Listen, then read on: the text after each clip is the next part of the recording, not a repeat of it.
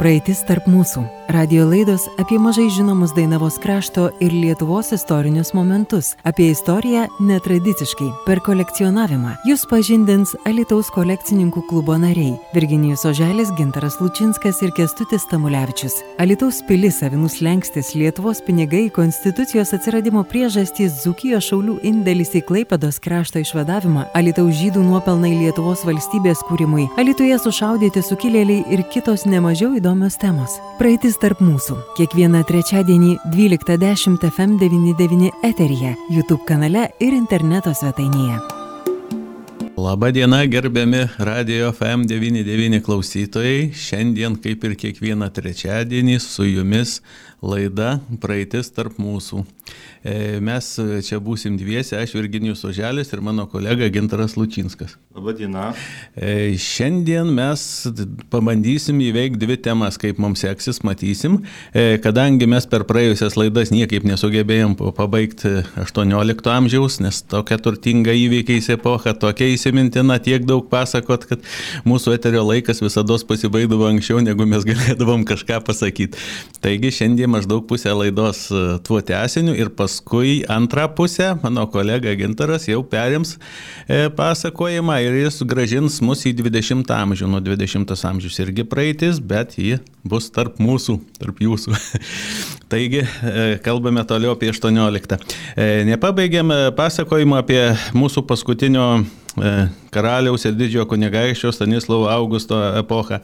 Ten dar, dar buvo tokių įdomių niuansų, kur mums, nu, kaip jau minėjau, e, eterio laikas pasibaigė greičiau negu, negu norėjom, negu pasakėm, bet čia jau mūsų galioj tai yra šiek tiek iš kitos laidos laiko paimti. Taigi tęsim toliau apie tą mūsų praeitį įdomią ir turiningą.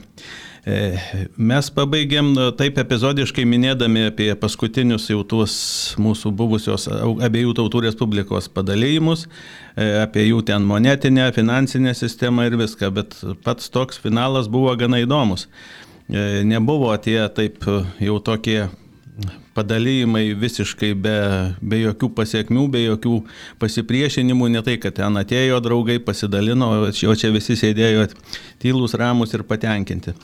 Buvo toks epizodas, kuris Lietuvoje vadinamas Kostiuško sukilimu. Lenkai jį vadina insurekcija. Insurekcija tai čia toks latiniškas terminas, jį gana net sunku iš, išverst. E, kaip būtų kažkas panašaus kaip nukaralinimas už tai, kad e, mūsų tas didysis kunigaikštis ir karalius, e, jis iš pradžių lyg tai pats reformas užsakė ir pats pirmas nuo jų pasitraukė.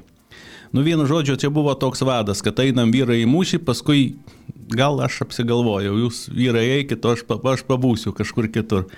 Na tai buvo, argi jo taip oficialiai negalėjo tie sukilėliai taip pašalinti, e, bet tai vienu žodžiu, insurekcija buvo e, Nu, kaip toks terminas ir dabar Lenkų literatūrai vartojamas, pas, jo, pas mus jo Lietuvai kažkaip nevartoja, bet tas, nu, praktiškai vieną ar tą patį. E, yra ir kolekcininkams, e, kas monetas kolekcionuoja, tai labai e, matoma tiesiog monetose. Paskutinėje laidoje sidabrinių buvo šeši grašėlių, smulki monetukė išleista, Ir, ir, ir, ir ten, kada buvo titulas, būdavo Stanislaus Augustus Rex. Tai iš legendos monetos žodis Rex, kas reiškia karalius, buvo paimtas. Tiesiog Stanislaus Augustus. E, tik tai iš, iš tarp herbų buvo trys herbai - Lietuvos e, Vytis, Lenkijos erelis ir Panetovskių giminės herbas Veršiukas. Nu, vat, koks herbas keistas. Tai tas viršiukas nebuvo pašalintas, buvo pašalintas tik žodis karalius. Bet tai čia jau pati pabaigo, kada jau 94 e, metais e, į Varšuvą apguldinėjo tai rusų, tai prūsų, tai abi dvi kariuomenės ir ta vienintelė kalykla Varšuvoje kalė šitas šešių grašių nominalo mažytės, e, maž, mažytės silpnos prabos sidabro monetas. O tuo metu buvo kalamos ir auksinės monetos, kurios mm, vėlgi 94-95 pačioj pabaigoje. Bet tai buvo, kaip nekeista, karaliaus titulas iš jų buvo nepaimtas ir tai buvo didžiulės monetos 3 dukatų vertės. Svoris 12,35 gramo, nu tai tokia jau solidi monet, monetėlė.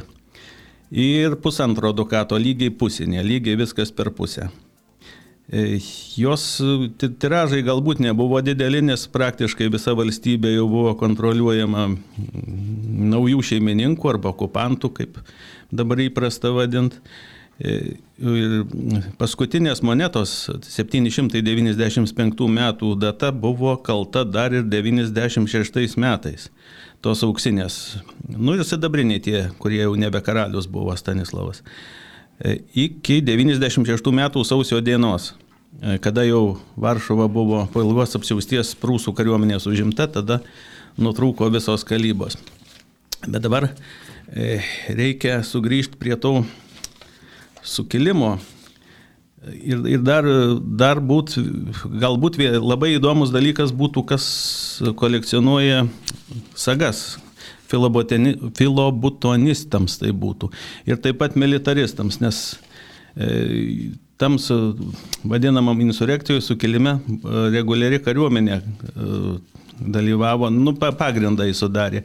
O Lietuvos septintasis pėstininkų pulkas buvo išdislokuotas būtent Alytaus apylinkėse.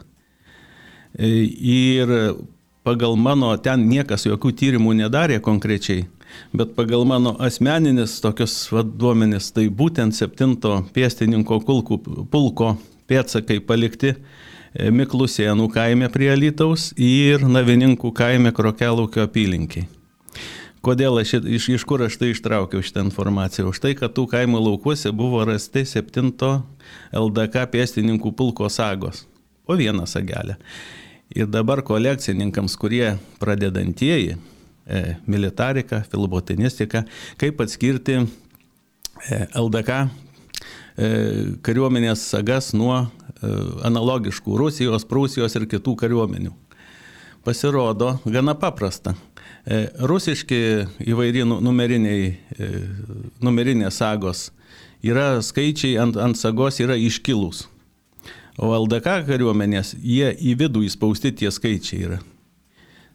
Tai iš karto, jeigu jums netyčia ar tyčia ar kaip patektų tokio tipo guzikai, nebūtinai septintas. Taip pat pirmas pulkas yra rezidavęs Alytaus apylinkėse. Toks e, pirmo pulko saga buvo kažkur Udrijos apylinkėse rasta irgi taip pat vienetukas, toks įdomus vienetukas, e, apačia skaičiaus šakojasi į dvi dalis, lyg tai šaknys būtų, bet tai yra e, reti ir, ir vertingi bent kurios kolekcijos atitinkamos tematikos eksponatai. E, apie tą patį septintąjį pulką galima daugiau truputį pakalbėti. Jisai buvo su, suformuotas 1790 metais. E, Gardino kažkurio tai ten pulko pagrindu. E, jo šiaip tai vis, visa LDK kariuomenė turėjo pagal tuos planus. Čia tas pats mūsų anksčiau minėtas ketverių metų Seimas, kuris ten paruošė tą gegužės trečiosios konstituciją ir panašiai. Tai, tai, tai, tai, tai, tai, va. A, tai tas septintasis pulkas Gardinė buvo suformuotas, jo šefas skaitėsi E, Kazimieras Nestoras Sapiega, kuris vienas iš buvo gegužės trečiosios konstitucijos autorių. Tai šefas tai nereiškia, kad jisai vadas, jisai buvo globotojas, globėjas, taip sakant, rėmėjas. Ir dabar kodėl, e, dar vienas niuansas, kodėl tasai septintasis pulkas taip uh, uh, pasėjo savo sagas po įvairias apylinkės. Tai ne tik apie lytų jo randama yra.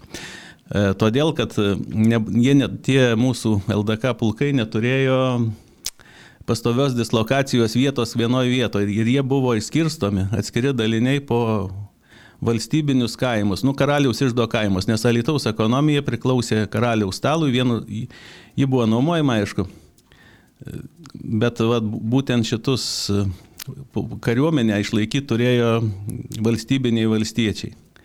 Nu ir įsivaizduojat, koks pulko galėjo būti kovingumas, jeigu ten vienam kaime dešimt kareivių, kitam vėl kiti dešimt, jie tenais gyveno, aišku, valstiečiai juos turėjo maitinti, jeigu, tai dar laimė, jeigu pėstininkų pulkas nereikėjo išlaikyti ir žirgų.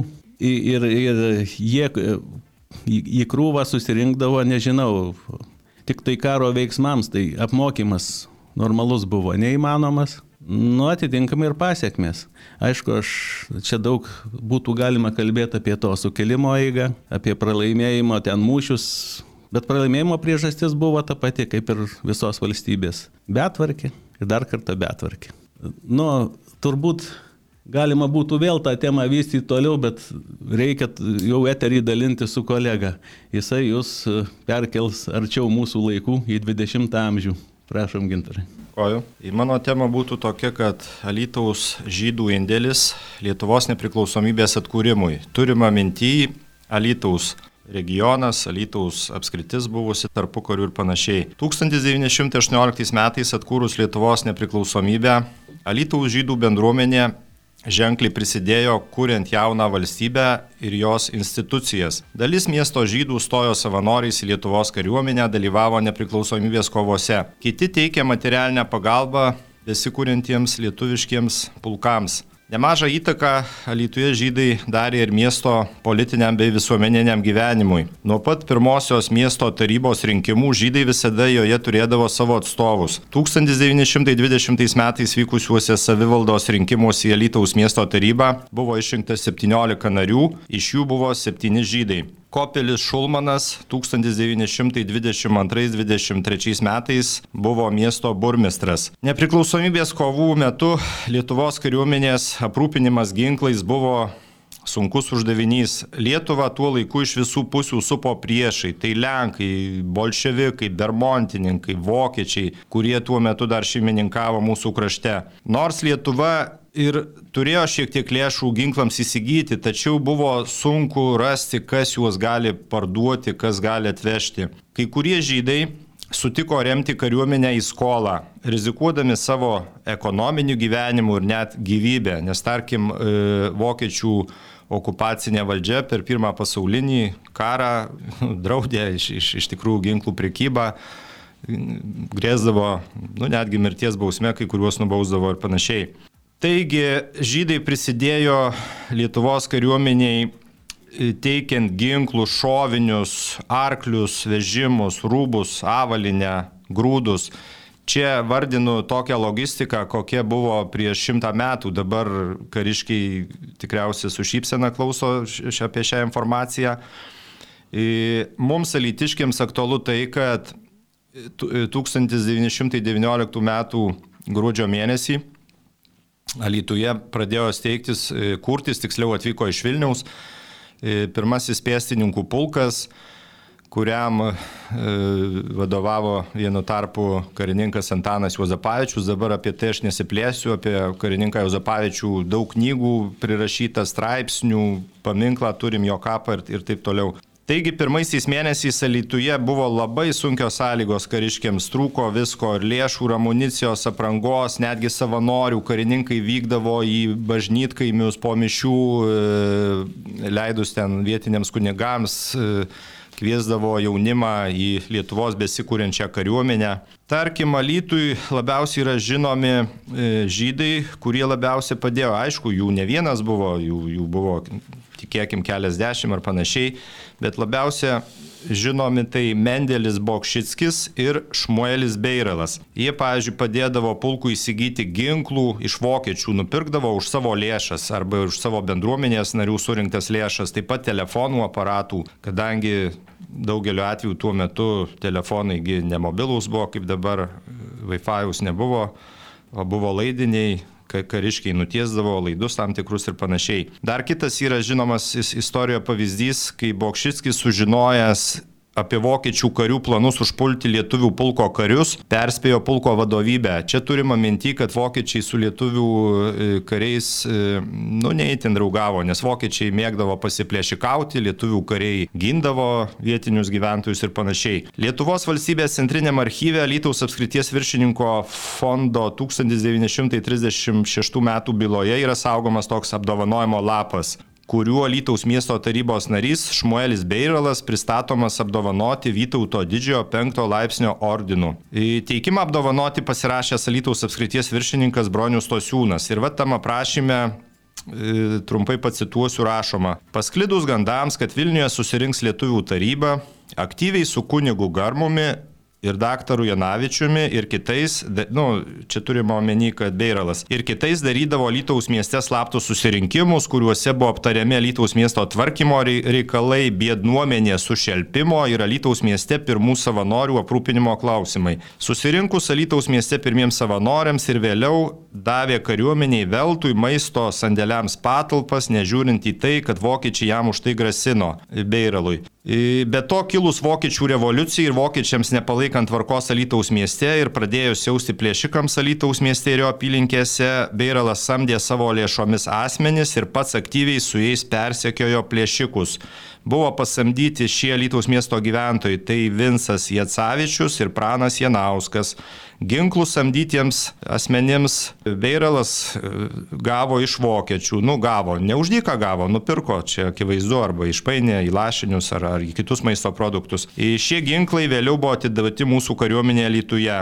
Beiralo pasamdyti tvarkdariai Jacavičius ir Janauskas vėliau perėjo į policiją. Bolševikams pralaužus frontą ir užėmus Alytaus miestą, Alytuje pasiliko du mūsų kariuomenės kareiviai, kurie nespėjo pasitraukti. Beiralas vieną mūsų kareivį aprengė savo drabužiais ir jis pabėgo iš Alytaus miesto, o antrą lietuvių kareivį su šautuvu paslėpė savo namuose, kuris vėliau bolševikams pasitraukus iš Alytaus grįžo į pirmąjį pulką. Beiralas rėmė mūsų kariuomenę ir policiją. Be to, besikūrenčiai kariuomeniai suteikė daug naudingų žinių per kapitoną Bizoką, kuris tuo laiku Alytuje tvarkė kariuomenę. Beiralas, būdamas stambus pramoninkas ir ūkininkas, Alytaus miesto ir apylinkės gyventojų tarpe turi labai gerą vardą, pasitikėjimą, autoritetą, yra valstybinio nusistatymo ir pilietiškai patikimas. Taip jį apibūdino 1936 metais. Dar prie Beiralo biografijos turiu pridurti, kad jisai žuvo per holokaustą karą, šiek tiek jisai slapstėsi pirmą žiemą karo, bet 1942 metais vis tiek, vis tiek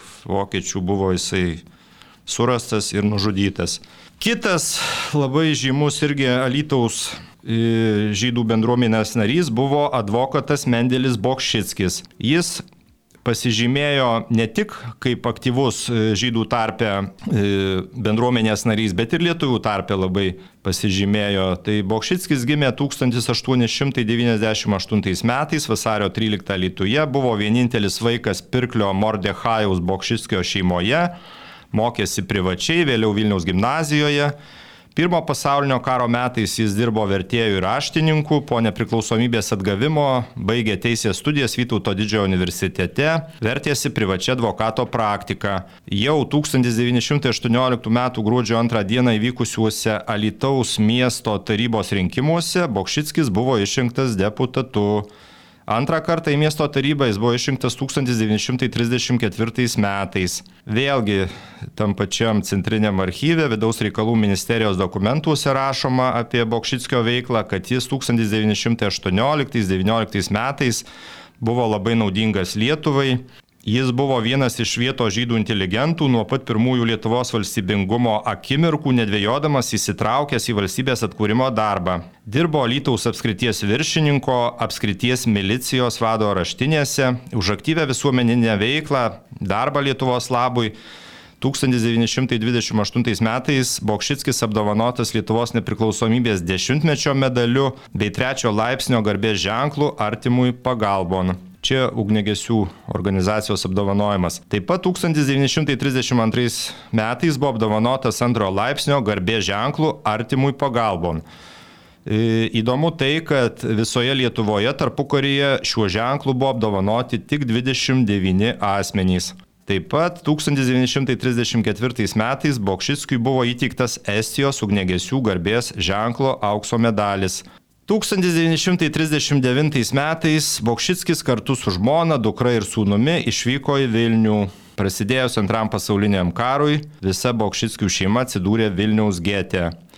Sūnui pavyko įsigelbėti, o Mendelis Bokšickis 1941 m. rugsėjo mėnesį buvo nužudytas paneriuose. Dar norėčiau paminėti kitus du žydus, jie gimė nelytuje, gyveno nelytuje, tačiau palaidoti Lietuvoje. Tai žydai kariai, Motelis Kacas ir Echomas Štramas. Jie buvo Lietuvos kariuomenės šauktiniai, vienas iš Tauragės kilimo, kitas iš Jonavos.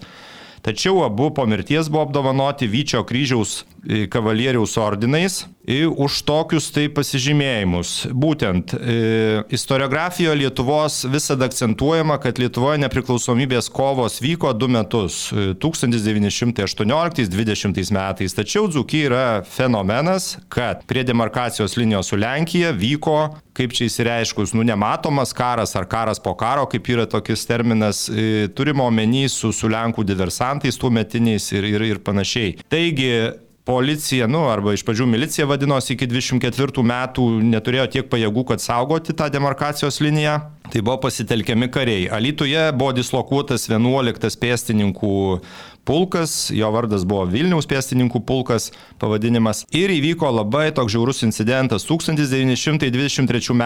kovo 19 d. tai yra per Švento Juozapo šventę, Lenkai būdami e, doresni katalikai negu lietuviai, tačiau atakavo tą mūsų postą ir kardais užkapojo šešis lietuvių karius, kurie besigindami visi žuvo. Taigi iš tų šešių karių du buvo žydų e, kilmės asmenys.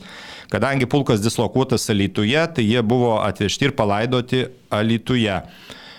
E, lietuvių karių e, antkapiai yra prie Šventų Angelų sargy, sargų bažnyčios kapinėse, netoli muziejus per tvorą matosi tie antkapiai, o vad žydų kapų mums nepavyko rasti, todėl manoma, kad jie palaidoti senose antro lytaus žydų kapinėse, jos sunaikintos, nu dabartiniai smėlio gatviai. Dar norėčiau pasakyti, kad 1927 metais Lietuvoje buvo įkurta Lietuvos kariuomenės kuriejų savanorių sąjunga, jos skyriai veikia visoje Lietuvoje. Alytuje buvo atskiri skyriai, tai lietuvių ir žydų karių savanorių skyriai. Tai, bet e, žydų karių savanorių skyriui nebūtinai e, kariuomenės savanoriai priklausė, tai galėjo būti ir šauktiniai kariai. Taigi žydų karių dalyvavusių Lietuvos nepriklausomybės atvadavime Alytaus e, skyrius įkurtas 1934 metais, noriu išvardinti mums žinomus iš archyvo narius, tai Aizikas Azerskis, Motelis Haikovičius, Meijeris Hožorelskis, Faivelis Matskevičius, Kopelis Nemunaiskis, Šimonas Polivnikas, Elija Pružanas, Joselis Pružanskis, Reznickis, Meilachas Rubenšteinas, Mauša Slivkinas, Leibas Smolnickis, Lipskis Šepšelis, Kivelis Švarsbordas, Dovydas Vaisembliumas, Valavičius, Dovydas Volovičius, Josifas Zupraneris ir Haimas Žmutskis.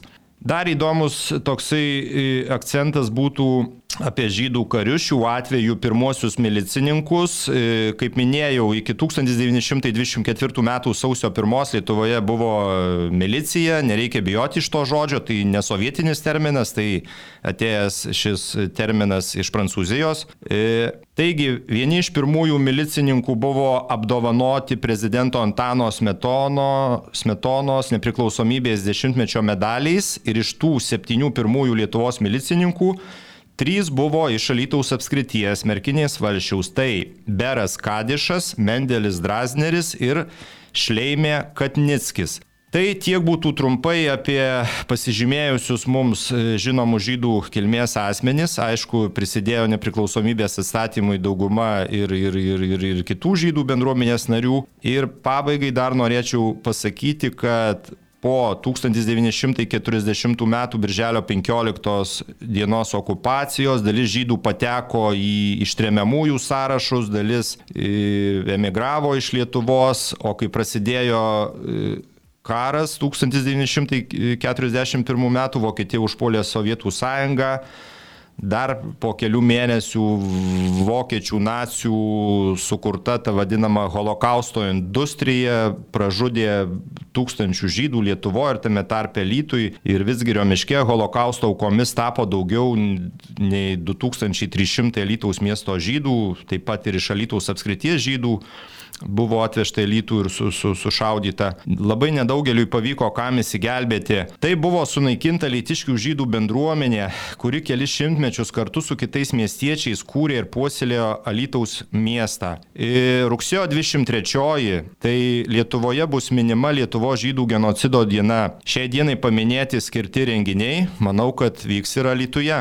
Beje, kalbant galbūt apie tuos istorinius momentus ir štai išlikusių labai nedaug yra, ar ne? Tai galima sakyti, kad vienetai, kurie arba jų tėvai gimė Alytuje, arba jie kažkiek auga ir tokių mes turime tik keletą, štai ir kraštotyros muziejuje šį savaitgalį bus atidaroma paroda vieno iš Alytuje gimusio žydo, to įžymaus namo su liutukais. Ko gero, visi tą namą Alytuje žino ir taip, taip, ir štai po tiek metų sugrįžtantis žmonės, jie, na, savo kūrybą parodės Alytaus kraštotyros muziejuje, ko gero, tai irgi tokie momentai, kurie kažkokiu būdu, nežinau, mums gyvenantiems čia taip pat nutiesia tam tikrus istorinius, nežinau, punktyrus, kad mes nepamirštume to laikmečio ir tų žmonių, kurie čia gyveno, kurie čia kažką darė, kūrė, dėja, tokia tragiška jų lemtis.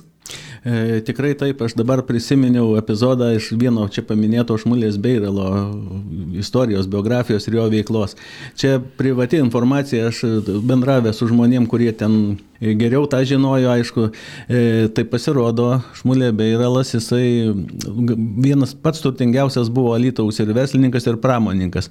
Ir e, kur dabar stovi Vitsgirio mikrorajonas pastatytas, kažkada buvo miškas, maždaug toks pats kaip tas Vitsgirio miškas, buvo lapuočių miškas buvo ažuolai, tai Šmulė tenais gavo mm, tą, tą mišką kažkaip nupirko, e, samdė ažuolams pjauti net iš Baltarusijos metkirčius, nes ažuolą ten, rimtą ažuolą ne kiekvienas ir, o to labiau nebuvo motorinių pjūklų. E, eksportavo į Švediją, nors pasidarė tokį nemenką kapitalą. Ir dar vienas e, epizodas, po pirmo pasaulinio karo jisai priglaudė našlaitį likusį ten vieną.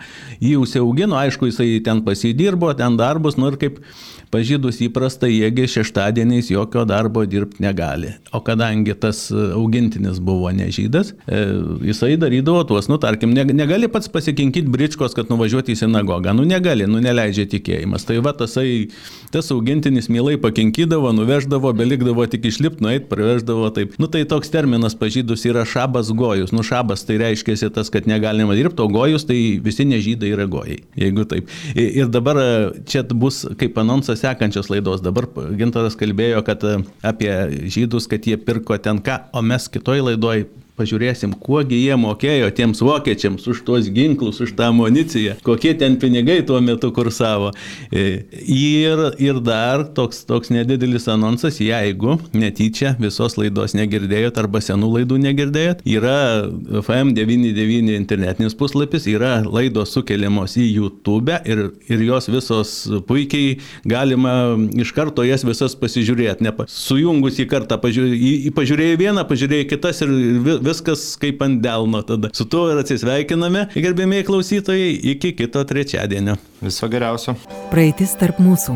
Radio laidos apie mažai žinomus Dainavos krašto ir Lietuvos istorinius momentus. Apie istoriją netradiciškai, per kolekcionavimą. Jūs pažindins Alitaus kolekcininkų klubo nariai - Virginijus Oželis, Gintaras Lučinskas ir Kestutis Tamulevičius. Alitaus pilis, Avinus Lenkstis, Lietuvos pinigai, Konstitucijos atsiradimo priežastys, Zukijos šaulių indėlis į Klaipados krašto išvadavimą, Alitaus žydų nuopelnai Lietuvos valstybės kūrimui, Alituje sušaudyti sukilėliai ir kitos nemažiau įdomios temos. Praeitis tarp mūsų. Kiekvieną trečiadienį 12.10 FM99 eteryje, YouTube kanale ir interneto svetainėje.